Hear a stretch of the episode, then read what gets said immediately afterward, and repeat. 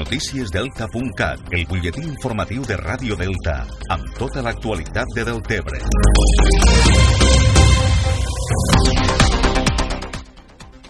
Els 27 municipis de les Terres de l'Ebre, entre ells del Tebre, que van resultar afectats pels aiguats de l'octubre del 2018, rebran ajuts per valor de 6,9 milions d'euros en motiu de la declaració de zona afectada greument per una emergència de protecció civil.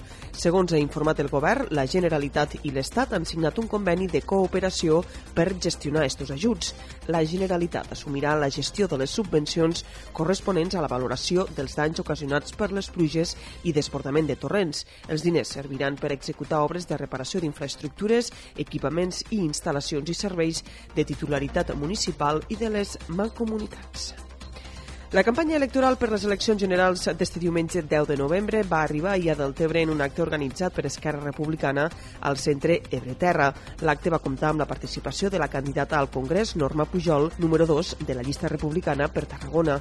En l'acte van intervindre també Vanessa Callau, presidenta de la secció local d'Esquerra a Deltebre, Joana Alginet, portaveu municipal, i Xavier Faura, president del Consell Comarcal del Baix Ebre. Els republicans es presenten a les eleccions com la millor garantia per defensar els interessos de l'Ebre a Madrid Madrid i com la millor resposta a la repressió de l'estat espanyol. Així ho explicava Norma Pujol en l'acte de presentació de la campanya electoral.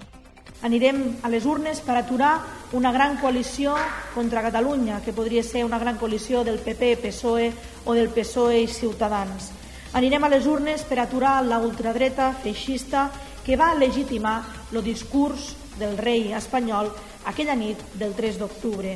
Aquell dia Felip VI va avançar per la dreta a Ciutadanos i al PB i va legitimar la violència de l'Estat contra els que volien votar i tota la repressió que vindria després.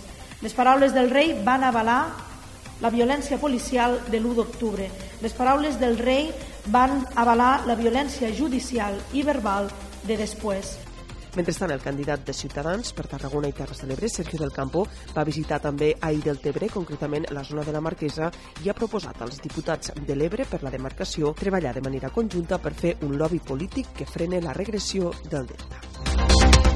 Amb el lema Les dones mereixen un homenatge, l'Associació de Dones Agents de Salut de Deltebre organitza este dissabte un acte per commemorar els 10 anys de la creació d'ADAS i de la celebració de l'homenatge a la vida de les dones silenciades del Delta. Després de 10 anys d'homenatjar diferents col·lectius i oficis relacionats amb les dones, enguany ADAS farà un reconeixement a les tres associacions de dones que treballen a Deltebre, com són l'Associació Local de la Dona de la Cava, l'Associació de Dones de Deltebre i el col·lectiu F de Figa. La L'acte serà dissabte al centre fluvial del Delta sota el pont Lo Passador a partir de les 6 i servirà també per recordar els 10 anys de trajectòria de l'associació. A més, l'acte servirà també per entregar els premis Hades Jove dirigit a alumnes d'ESO que elaboren climetatges i Hades de Sucre, en el qual participen alumnes de sisè i que enguany han hagut de fer una redacció sobre una dona de la família. L'acte comptarà finalment amb l'actuació del cor La Vinota i el tradicional potluck de Cloenda. L'acte de dissabte servirà de prèvia del 14 curs Dones, Salut i Educació 2019-2020, l'embrió des d'on es va crear l'associació ara fa 10 anys i que s'inaugurarà el pròxim dijous 14 de novembre amb la sessió El Infinito en la Palma de tu mano a càrrec de María José Saez i Inés Ramon. L'acte serà a la sala Eliseo Vives de la Biblioteca Delta de l'Ebre.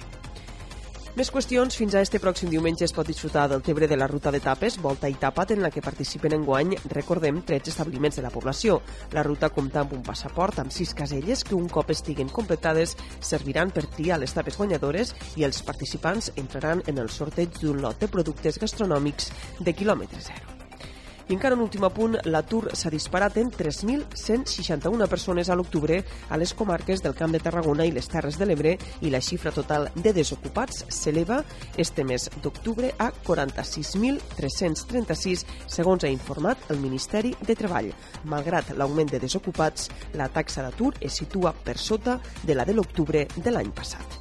El sector serveis ha liderat la pujada de l'atur amb 2.711 desocupats més i ja representen 33.000 persones sense feina en este sector. Això és tot per ara. Més notícies al portal deltacat.cat.